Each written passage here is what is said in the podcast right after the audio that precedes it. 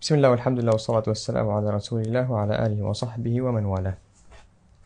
آه، إحنا في كتاب الفوائد ما زلنا مع ابن القيم.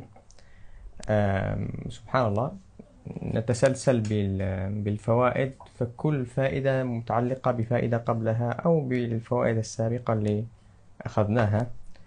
فائدة اليوم هي الفائدة الرابعة وهي فائدة جليلة كما هو مكتوب هنا عندنا في الكتاب. طيب.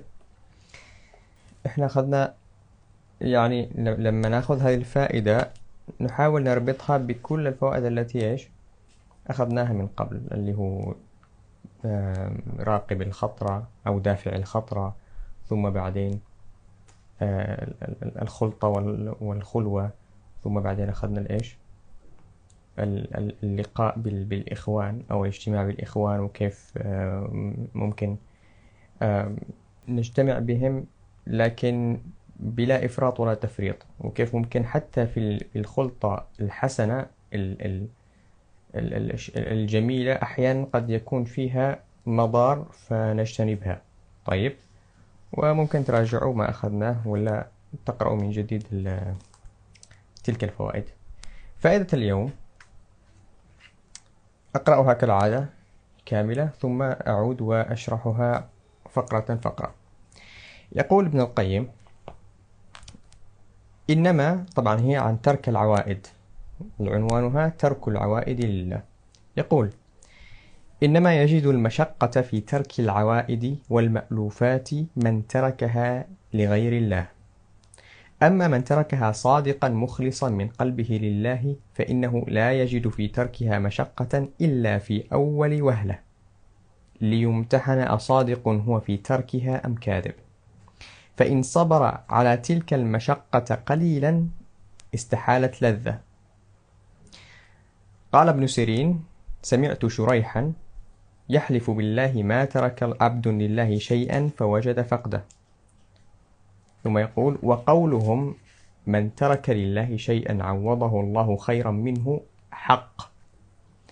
والعوض أنواع مختلفة وأجل ما يعوض به الأنس بالله ومحبته وطمأنينة القلب به وقوته ونشاطه وفرحه ورضاه عن ربه تعالى. طيب قرأنا النص الآن. تعالوا نشرحه فقرة فقرة وإن شاء الله إيش؟ ما نطول لأنه فعلا هذا النص يعني وهذه الفائدة جليلة جدا. ومبدئيا آه، ندعو أو أدعو الله أنه يجعلنا وإياكم ممن يستفيدون من هذه الفائدة لأنه بصراحة مش سهلة. ولا الفوائد السابقة ما أقول إنها أشياء آه، سهلة. كل ما نقرأ وكل ما نقوم به في هذه ال- ال- اللقاءات الغرض منها التزكية. طيب والتعرف على النفس أكثر لنزكيها. قد أفلح من زكاها وقد خاب من دساها. هذا هو إيش؟ آه، غرضنا أو هذه هي غايتنا من هذه الجلسات. يقول ابن القيم وركزوا على دائما واقعيته وأنه يضع الكلمات المناسبة في الأماكن المناسبة. طيب يقول إنما يجد المشقة في ترك المألوفات والعوائد من تركها لغير الله. المشقة من الشقاء أو الشقاء من المشقة بالأصح. طيب ما هي المألوفات والعوائد؟ الأشياء التي اعتدت عليها. التي ألفتها فأصبحت تقوم بها كعادات تلقائية. عدا المألوفات والعوائد قد تكون أشياء حسنة وقد تكون أشياء سيئة. قد تكون إيجابية قد تكون سلبية. قد تكون قربات إلى الله عز وجل وطاعات وقد تكون سيئات ومعاصي. طيب المقصود بالمألوفات والعوائد هنا هي العوائد أو العادات بال- بال- بالاستخدام العصري للغة العربية. العادات والمألوفات السيئة. وإلا إذا كانت حسنة فلماذا نتركها؟ إذا كان عندي عادة حسنة فلماذا أتركها؟ طيب أحتفظ بها وأنميها وأحاول أحاول أني ما أخسرها في سبيل عادة سيئة. فالمقصود هنا بالعوائد والمألوفات العوائد والمألوفات السيئة. طيب. فيقول بطبيعة الإنسان يريد أن يحسن من نفسه. الإنسان لا يرضى لنفسه أنه يكون إيش؟ يعني في أماكن سافلة. لا يرضى لنفسه أو يفترض أن لا يرضى لنفسه الكسل الخمول التسويف آه، المعصية أي أي أي عوائد سيئة أي مألوفات سيئة الإنسان بفطرته يفترض يفترض ألا يقبل ذلك لنفسه.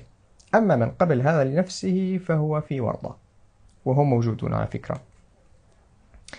فإذا كنت لا أقبل هذا الشيء لنفسي وإذا كان الحاضرون إن شاء الله جميعا وإذا كان معظم الناس لا يقبلون لأنفسهم أن يكونوا من أصحاب المألوفات والعوائد أو العادات السيئة فبالأحرى هم يريدون أن يغيروا من هذه العادات يريدون أن يتركوا هذه العادات أن يقطعوها. طيب. فيقول إنما يجد المشقة في ترك المألوفات والعوائد من تركها لغير الله. الآن عندي عادة سيئة. عندي شيء ألفت أو اعتدت ارتياده اعتدت ممارسته. طيب. وأريد أن أتركه. هل سأجد مشقة؟ يقول ابن القيم تجد المشقة إن تركتها لغير الله. إن كانت نيتك في ترك هذه العادة لغير الله. طيب. يعني مثلا إنسان كسول. الكسل عادة سيئة.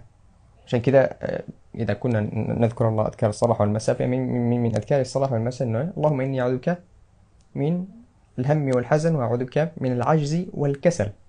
طيب العجز الكسل الخمول كثرة النوم آه، عدم الإنجاز هذه كلها إيش؟ عادات سلبية. سلبية بالمعنى الحقيقي كلمة سلبية إنه أنت لا تفعل شيء. طيب؟ فالإنسان لا يرضى لنفسه هذا الشيء. طيب أنا أريد ألا أكون سلبيا anymore. طيب أريد أن أكون إنسانا أترك الكسل وأكون إنسان نشيط أن أنشط أعمل شيء مهم بحياتي طيب فلما أريد أن أترك هذا الكسل مثلا كمثال قال تجد المشقة في ترك الكسل إن تركته لغير الله. إن كانت نيتك في ترك الكسل لغير الله. طيب. يعني مثلا كيف ممكن تكون لغير الله؟ إما أن يكون هذا الترك لأجل الناس. يعني مثلا أمك الله الله يرضى عليها ولا الوالد الله يرضى عليه ويحفظه. دائما قم يا ابني قم اشتغل قم من النوم لا تنام كثير وهذا. فأنت إيش؟ خلاص. مش طايق الوضع هذا فخلاص أنا أنا أريد إني أترك الكسل. ليش؟ عشان الوالد عشان الوالدة. أو مثلا الأسرة والأهل ما يحبوا الناس الكسولين في ناس يقارنوك بهم. طيب شوف ابن عمك شوف ابن خالتك وهذا فلان الناجح وهذا. فأنت تحس بالسوء.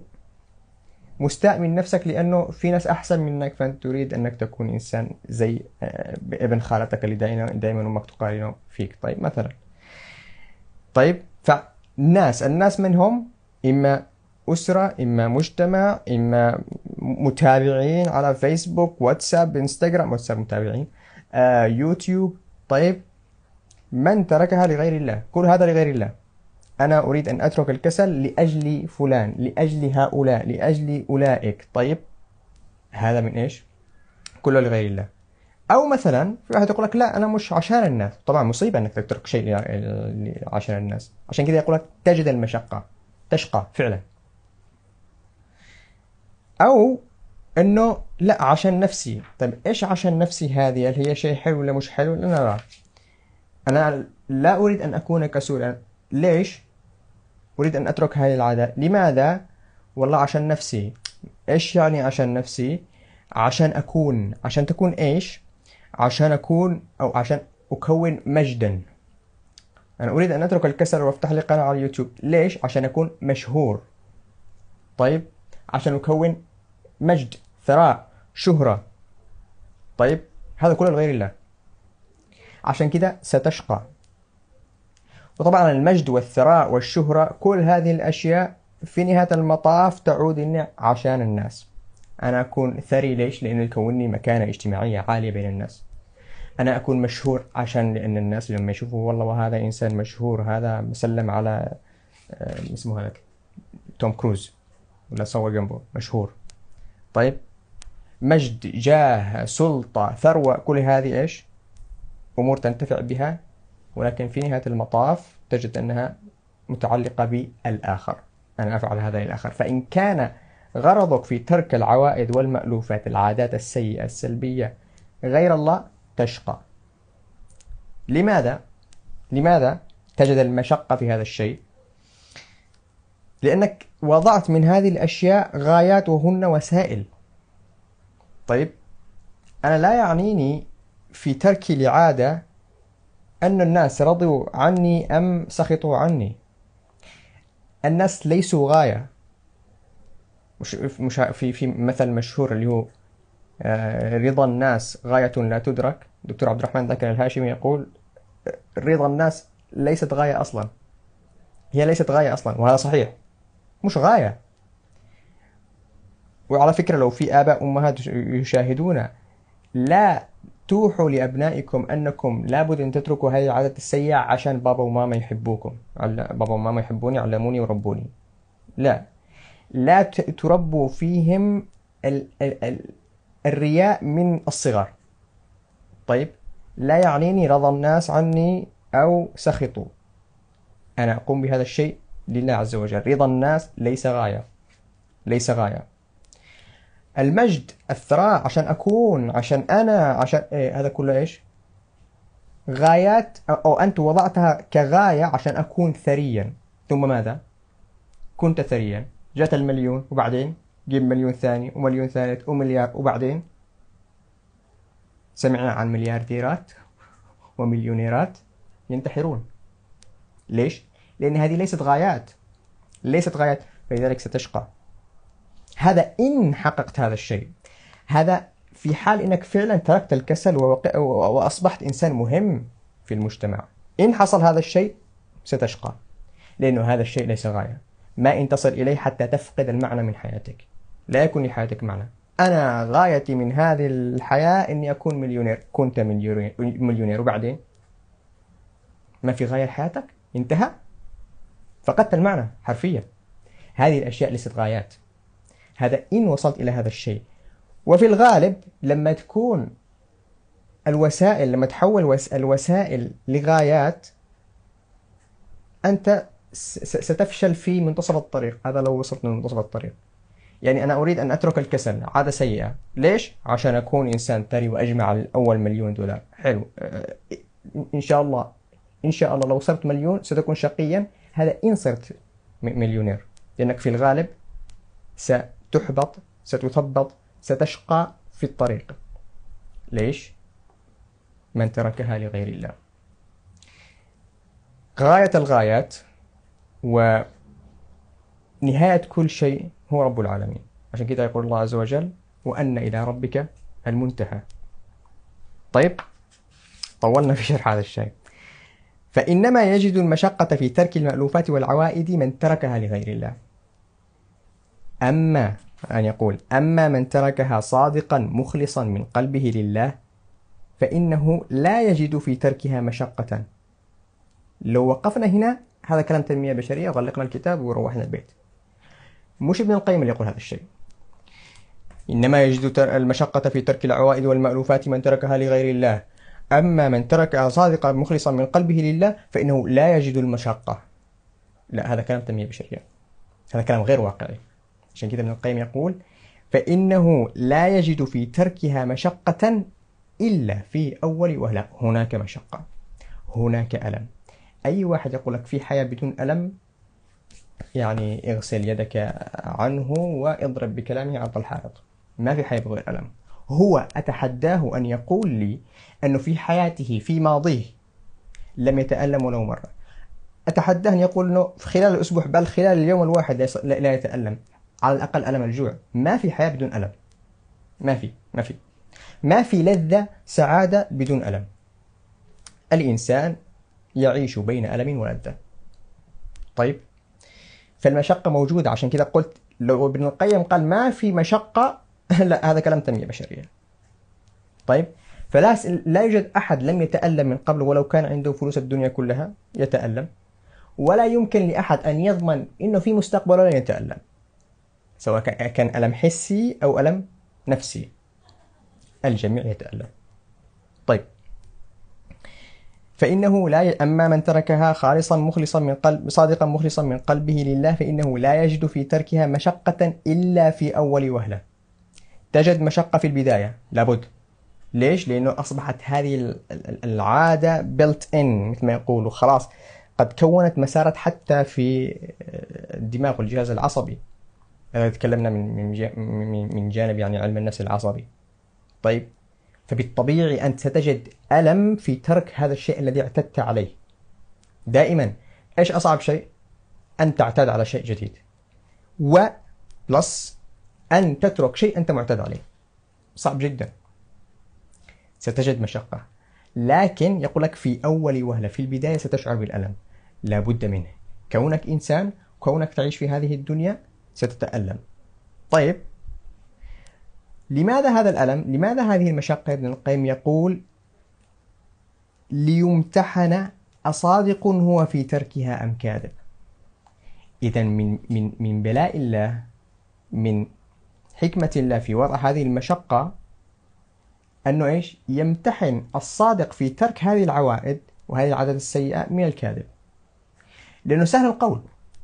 سهل جدا أنه واحد يقول أنا سأترك هذا الشيء لله رب العالمين. يا سلام. يلا كنشوف أول ما يحصل له ألم ومشقة يترك. ما كنت صادق. صح؟ آه. فلذلك إيش؟ من حكمة البلاء ومن حكمة الآلام أنه يمتحن الله عباده الأصفياء. ولا إذا كان الموضوع بالقول كلنا قديسين.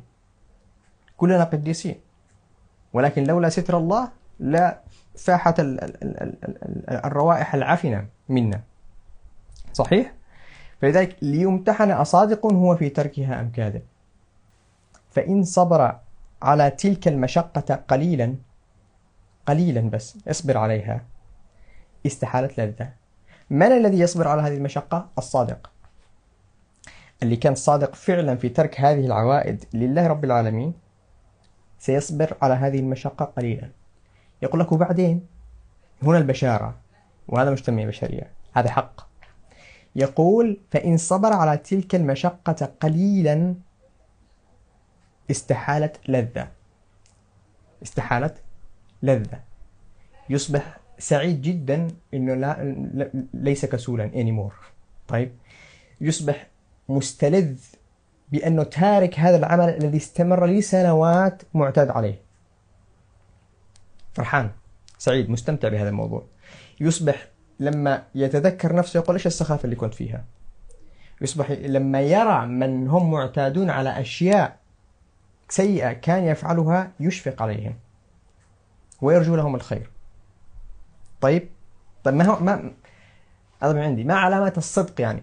إيش ممكن إذا وجدته في نفسي أو إذا وجد الإنسان هذا الشيء في نفسه عرف أنه والله أنا الظاهر إني صادق لأنه على فكرة الإخلاص عزيز. عزيز يعني نادر ومش سهل. الإخلاص مش سهل. فمن علامات الصدق في ترك العوائد هجر علائقها. إيش يعني علائقها متعلقاتها. لأنه لأنه ما في ما في عادة تعتد عليها هكذا مجردة. غالبا العادة السيئة هي عبارة عن منظومة كاملة من الأفعال.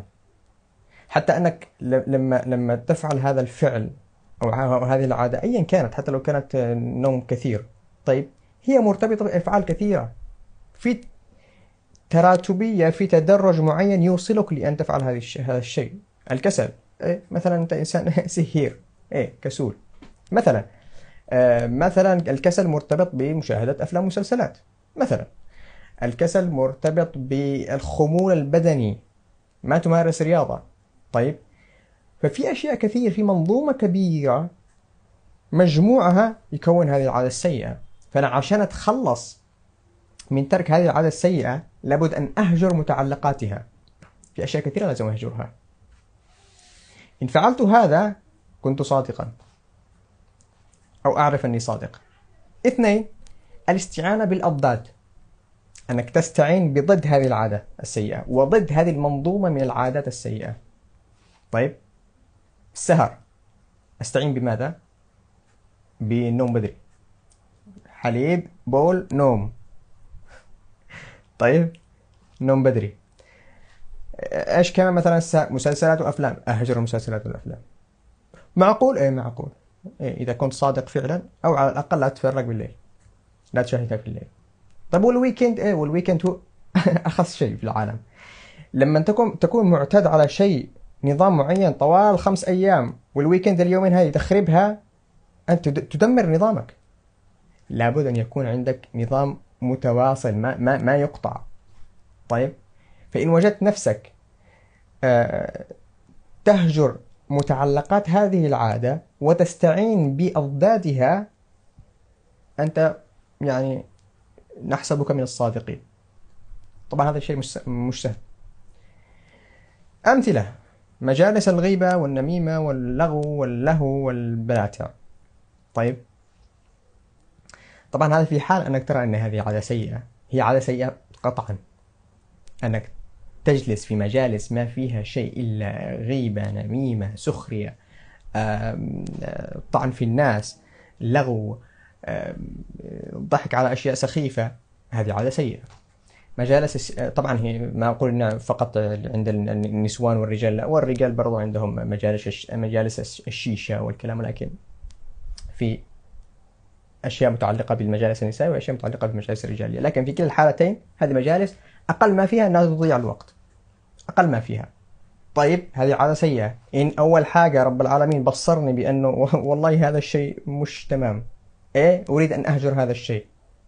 فسأضطر أني أضحي بأشياء كثيرة. سأتألم. سأتألم. يعني مثلا ممكن هذه الجلسات تقام في بيت الأسرة الكبير. طيب أهلي رحمي أقطع الأرحام. مخادعة. ما في شيء اسمه آه، صلة رحم بالغيبة والنميمة والسخرية واللغو. هذه مش صلة رحم هي صلة, صلة أباليس. طيب فأنا سأضطر أني أقلل من الخلطة بأهلي وأحبابي ورحمي. هذا لا يعني أني قطعت الرحم. ما يعني أني قطعت الرحم. السلام عليكم. وعليكم السلام. مكالمة روح يوم الجمعة يوم في الشهر. سلم عليهم. وقت قصير. وانطلق. طيب. من التحديات اللي ستؤلمك؟ سيقولون. سيقولون شو هذا مطوع. ها؟ آه، دخل في دين الله. ها؟ على الأقل مثلا إذا فعلا كنت صادقا وبدأ المجلس يكون فيه غيبة ولغو وكلام فاضي أنت ستقول يا جماعة وقفوا الكلام. إن لم تستطع تهجر المجلس. إن فعلت هذا في كلا الحالة سيقولون لن تسلم من كلامهم حتى ولو كانوا من المقربين ومن أهل من أهلك. لحظة يا جماعة بس أشحنكم أشحنت له عفوا. لن تسلم من ألسنة حتى المقربين. وهذا مؤلم في البداية. لأول وهلة. عاد أول وهلة هذه كم؟ الله أعلم لكن تصبر. سيقولون والله كوريه والله يتغير تغيرت علينا. إيه. ألم. طبيعي تتألم. طيب. يا أخي إيش الجدية هذه؟ يعني تيك ات ايزي الدنيا يعني حلاوة الحياة حلوة والحياة حلوة. ففي آلام كثيرة وفي أشياء كثيرة ستقطعها في سبيل أن تقطع هذه العادة. السيئة. وفي المقابل لابد أن إيش؟ تعوض هذا المجلس السيء بمجلس حسن. تلجأ لضده تستعين بضده. تشوف ناس والله مصلين على النبي تجلس معاهم وعشان تكون لك صحبة أفضل. وأمثلة كثيرة. ترك التدخين طبعا. أنا ما أتكلم أنه لأنه ترك التدخين المخدرات حتى الأشياء الإدمانية هذه.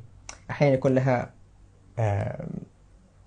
أشياء متعلقة بالدماغ ودائرة المكافأة والإفرازات المعينة فهي طبعا أصعب. ولكن برضو إذا أردت أن أترك هذه الأشياء الصدق والإخلاص لله أنا أترك هذا الشيء لله رب العالمين. لأنه كما قلنا من قبل لو تركته لغيره ثم ماذا؟ هذا إن تركته وصلت إلى هذا الشيء الذي أريده وبعدين انتهت حياتي خلاص؟ لا ستظهر لي أشياء كثيرة. ستظهر خبائث كثيرة من خبائث نفسي على السطح ما كنت مدركها لأني بس فقط كنت يعني مركز على هذه الغاية الكبرى هي ترك التدخين. كملت التدخين شفت أنه باقي قبائح كثيرة. سأحبط. طيب. نوم كثير سهر Netflix أفلام ومسلسلات. قولي حتى Netflix نقاطع نت... والله إذا كنت أشوف إن Netflix ما فيها حاجة فأنت فيك م- مشكلة. يعني أنتم ضد. ما علينا social media وشحت واستجداء اللايكات. طيب هذه كلها عادات سيئة. عشان أقطعها لابد أن أكون مخلصا. وعشان أكون مخلص سأتألم. ولكن يقول فإن صبر على تلك المشقة استحالت لذة. بعدها يكون الجماعة اللي اللي قطعت مجالسهم أصحاب الشيشة إيه المطوع جاء. المطوع راح. ال- الأهل مثلا أنت جاد إيش يعني شايف نفسك علينا؟ يعني أنا مستمتع باللي أنا فيه ولما يقول هذا الشيء لا يعنيني هذا الشيء بل أتمنى لهم الخير وأحاول قدر الإمكان بما لا يفسد علي راحتي أني أخرجهم مما هم فيه. أصبح أصبح مشفق عليهم مشفق على الحال اللي هم فيه. وأراها أنا كنت أفعل هذه السخافات أنا كنت زي كده فلذلك أشفق عليهم. حاله يكون تقريبا مع فارق التشبيه بين آه، كحال ال- ال- الأنبياء والمصلحين. الأنبياء يمرون من آه، الكفار وهم يسكرون ويلهون ويلعبون ويتمتعون ويتراقصون ويضحكون ويسخرون وهو لا يغيظ لا يغيظه ذلك. ولا يشعر بأنه مستحقر ولا يشعر بالإهانة بل يشفق عليهم. كل ما يريده أن ينصلح حالهم. أن ينصلح حالهم. استحالة لذة. يصبح مس- مستلذ ومستمتع بالحال الذي هو فيها.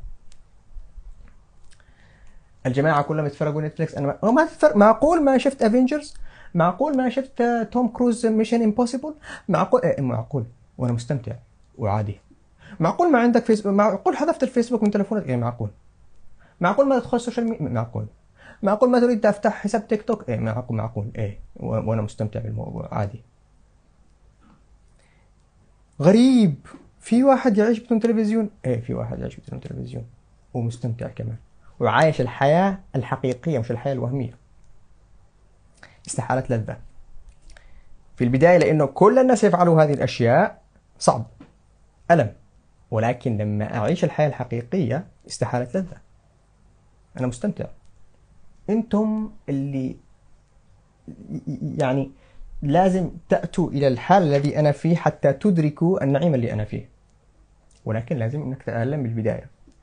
إن كنت صادقا ستجتاز الألم. إن كنت كاذبا ستنقلب على عقبك وتعود لما كنت عليه.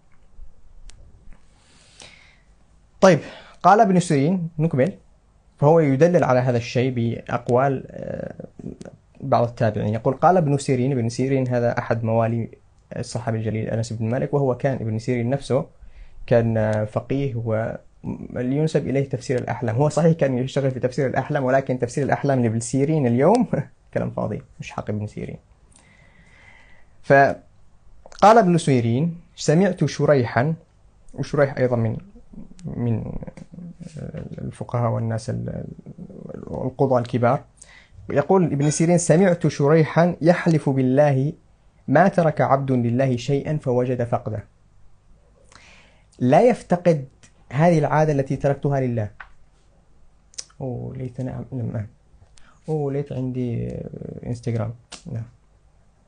ما تجد فقده. من يجد فقد ال- الشيء؟ آه، من تركه لغير الله. فيقول ما ترك عبد لله شيئا فوجد فقده بل بالعكس سنأتي. إيش اللي يجده هذا الإنسان الذي ترك الشيء لله؟ ثم يقول ابن القيم وقولهم من ترك لله شيئا عوضه الله خيرا منه حق. يعني في تعويض مش فقط أنت تستلذ بالحالة الجديدة التي أنت عليها بل أن الله يعوضك أشياء كثيرة. عما طب ليش يعوضك؟ لأنك تركت شيء له. تركت شيئا له. فهو يجازيك. يقول والعوض أنواع. التعويضات أنواع. والعوض أنواع مختلفة. وأجل ما يعوض به. أجل شيء ممكن الإنسان يعوض الله عن ترك العوائد السيئة. يقول وأجل ما يعوض به الأنس بالله. فقد الشلة. الأصحاب. إيه؟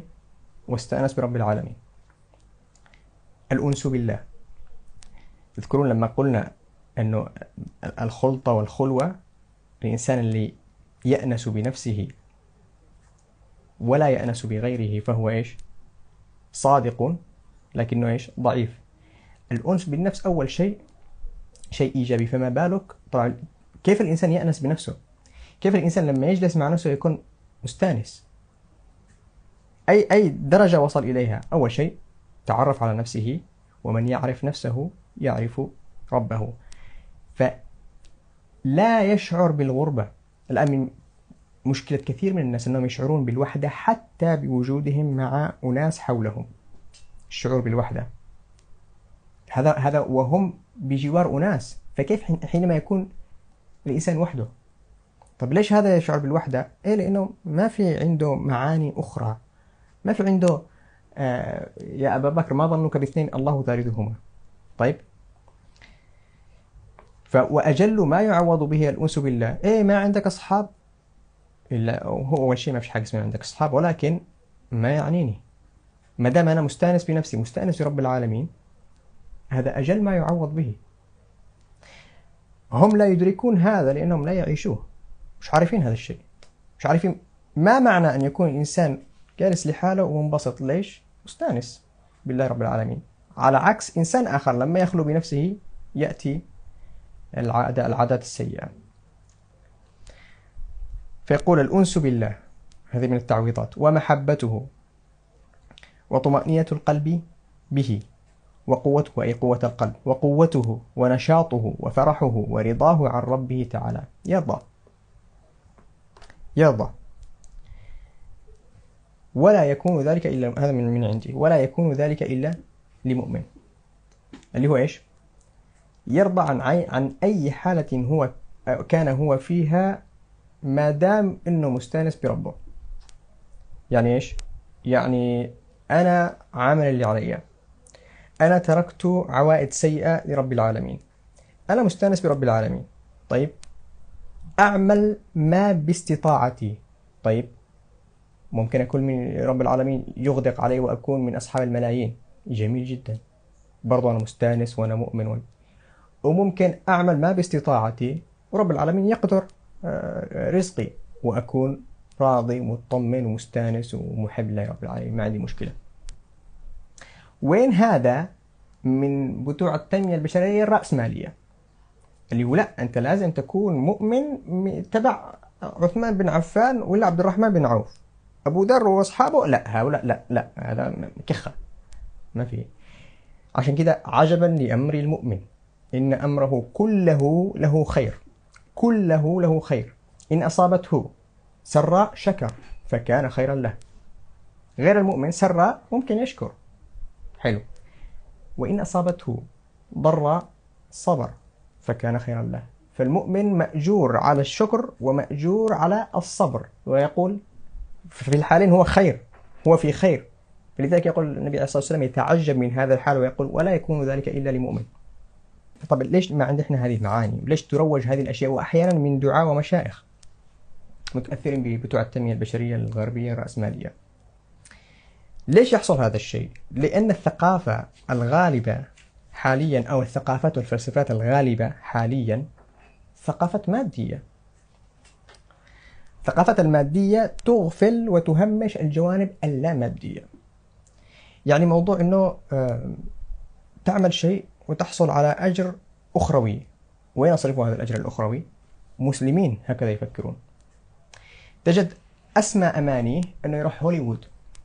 الجنة هوليوود. الجنة حقكم هذه اللي ما أستطيع عيشها في الدنيا هذه ما تنصرف عندي.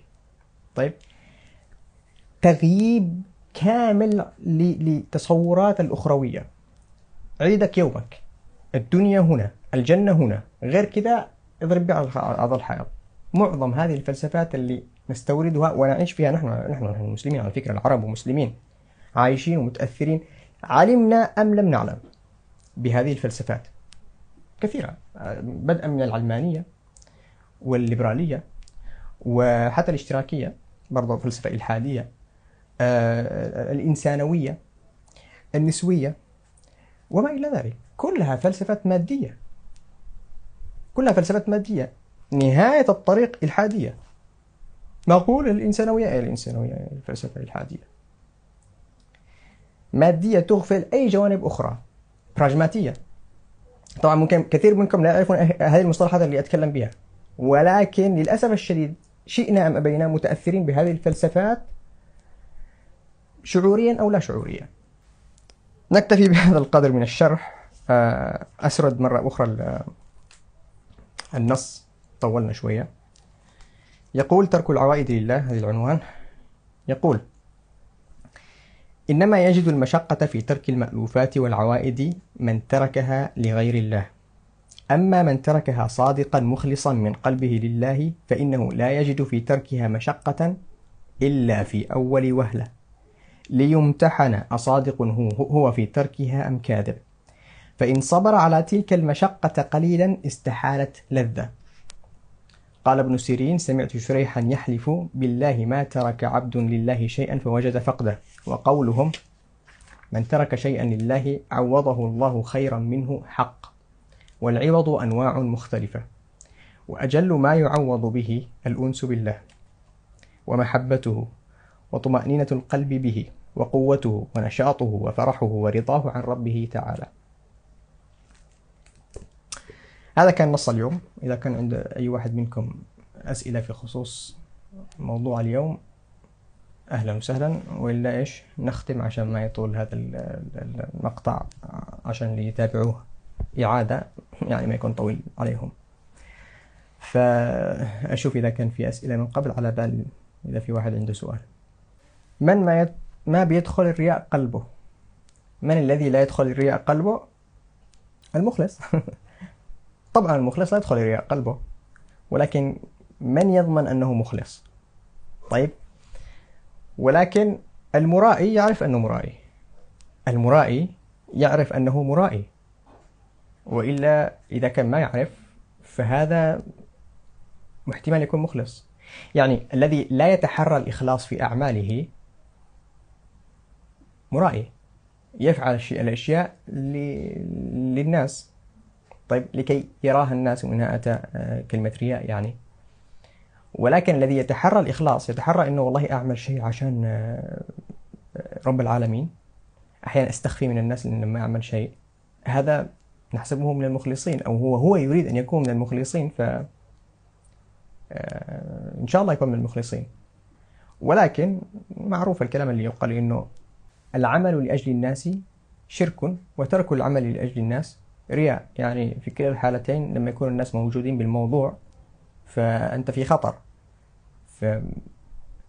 لما واحد يترك عمل يعني كان ناوي وعازم وبدأ يعمل عمل طيب لكن لما شاف إنه في ناس ترك هذا العمل آه هذا تركه لأجل الناس مش لأجل رب العالمين. وهذه مشكلة. طيب. ومن يعمل الأشياء للناس؟ أيضا هذا رياء واضح جدا. فكيف نعمل؟ أنه أتحرى الإخلاص ما استطعت في أعمالي. طيب وأنا أعمل الشيء مثلا توضيت وصليت قمت بالليل وصلي ركعتين. طيب وأنا في, في الصلاة واحد مشى وشافنا. طيب لا أخفض صوتي لا أستمر. ولا أقطع صلاتي ولا خلاص أنت كمل كمل. يا وحش أنت من بدايتك كانت نيتك صالحة والحمد لله وهيأت ال ال ال الأمور عشان تكون مخلص فكمل. إن تركت هذا الشيء عشان فلان ما يشوفك وهذا ممكن يكون من الرياء شيء خفي يعني إنه عشان ما يقول إني أنا إنسان صالح وطبعا هو يقول إنه أنا إنسان صالح لإني تركت العمل. هو شافنا وأنا كنت أصلي وتركت العمل فعشان كذا بيقول أوه هذا إنسان مخلص ما شاء الله. ما يريد أنا أشوفه وهو يصلي. دخل في في الشبكة. ولكن الإنسان يتحرى يسدد ويقارب ويبشر كما يقول النبي عليه الصلاة والسلام. فبعد الحديث سددوا وقاربوا وابشروا ف والله أو, أو آه، والذي نفسي بيده لا يدخل الجنة أحدكم بعمله.